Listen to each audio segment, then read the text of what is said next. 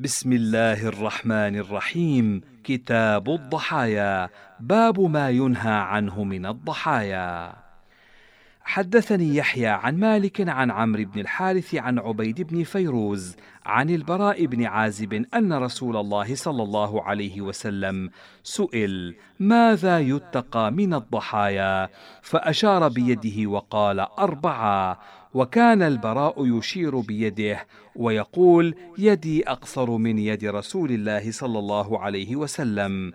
العرجاء البين ضلعها والعوراء البين عورها والمريضة البين مرضها والعجفاء التي لا تنقي. وحدثني عن مالك عن نافع أن عبد الله بن عمر كان يتقي من الضحايا والبدن التي لم تسن والتي نقص من خلقها. قال مالك وهذا أحب ما سمعت إلي. باب ما يستحب من الضحايا. حدثني يحيى عن مالك عن نافع أن عبد الله بن عمر ضحى مرة بالمدينة قال نافع فأمرني أن أشتري له كبشا فحيلا اقرا ثم أذبحه يوم الأضحى في مصلى الناس. قال نافع ففعلت ثم حمل إلى عبد الله بن عمر فحلق رأسه حين ذبح الكبش. وكان مريضا لم يشهد العيد مع الناس. قال نافع وكان عبد الله بن عمر يقول ليس حلاق الرأس بواجب على من ضحى وقد فعله ابن عمر. باب النهي عن ذبح الضحية قبل انصراف الإمام.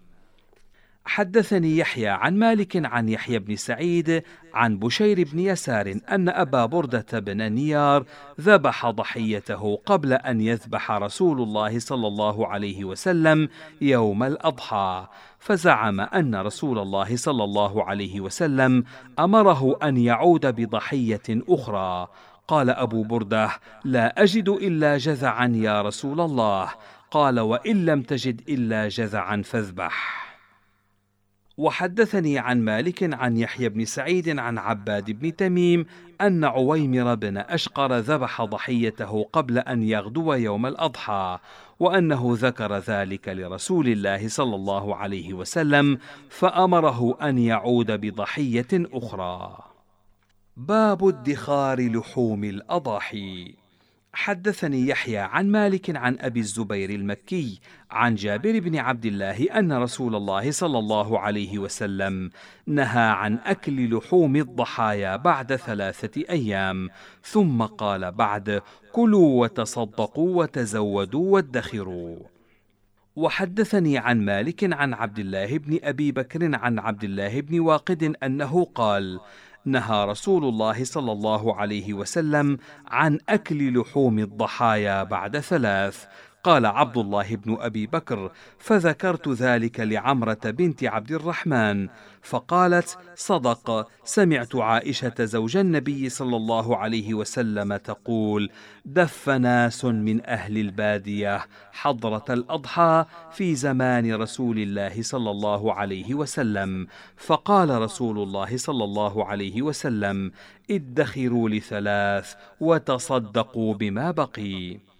قالت فلما كان بعد ذلك قيل لرسول الله صلى الله عليه وسلم لقد كان الناس ينتفعون بضحاياهم ويجملون منها الودك ويتخذون منها الاسقياه فقال رسول الله صلى الله عليه وسلم وما ذلك؟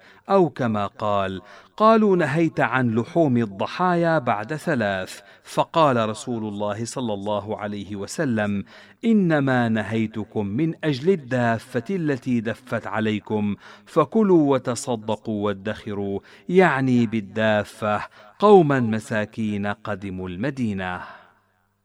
وحدثني عن مالك عن ربيعة بن أبي عبد الرحمن عن أبي سعيد الخدري أنه قدم من سفر فقدم إليه أهله لحما فقال انظروا أن يكون هذا من لحوم الأضحى.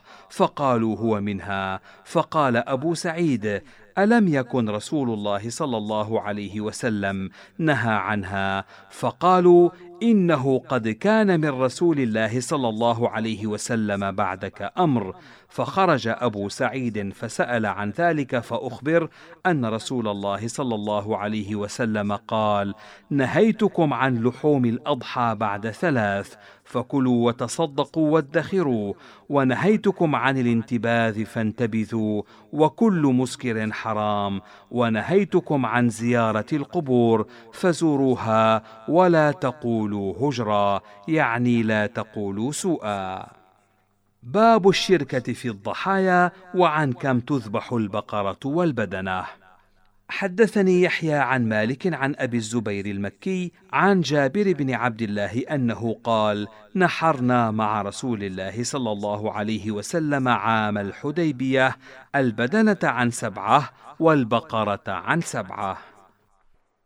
وحدثني عن مالك عن عمارة بن صياد أن عطاء بن يسار أخبره أن أبا أيوب الأنصاري أخبره قال: كنا نضحي بالشاة الواحدة يذبحها الرجل عنه وعن أهل بيته، ثم تباهى الناس بعد فصارت مباهاة. قال مالك وأحسن ما سمعت في البدنة والبقرة والشاة الواحدة أن الرجل ينحر عنه وعن أهل بيته البدنة ويذبح البقرة والشاة الواحدة وهو يملكها ويذبحها عنهم ويشركهم فيها فأما أن يشتري النفر البدنة أو البقرة أو الشاة يشتركون فيها في النسك والضحايا فيخرج كل إنسان منهم حصة من ثمنها ويكون له حصة من لحمها فإن ذلك يكره. وإنما سمعنا الحديث أنه لا يشترك في النسك وإنما يكون عن أهل البيت الواحد. وحدثني عن مالك عن ابن شهاب أنه قال ما نحر رسول الله صلى الله عليه وسلم عنه وعن أهل بيته إلا بدنة واحدة أو بقرة واحدة قال مالك لا أدري أيتهما قال ابن شهاب باب الضحية عما في بطن المرأة وذكر أيام الأضحى وحدثني يحيى عن مالك عن نافع أن عبد الله بن عمر قال الأضحى يومان بعد يوم الأضحى. وحدثني عن مالك أنه بلغه عن علي بن أبي طالب مثل ذلك. وحدثني عن مالك عن نافع أن عبد الله بن عمر لم يكن يضحي عما في بطن المرأة. قال مالك الضحية سنة وليست بواجبة ولا أحب لأحد ممن قوي على ثمنها أن يتركها.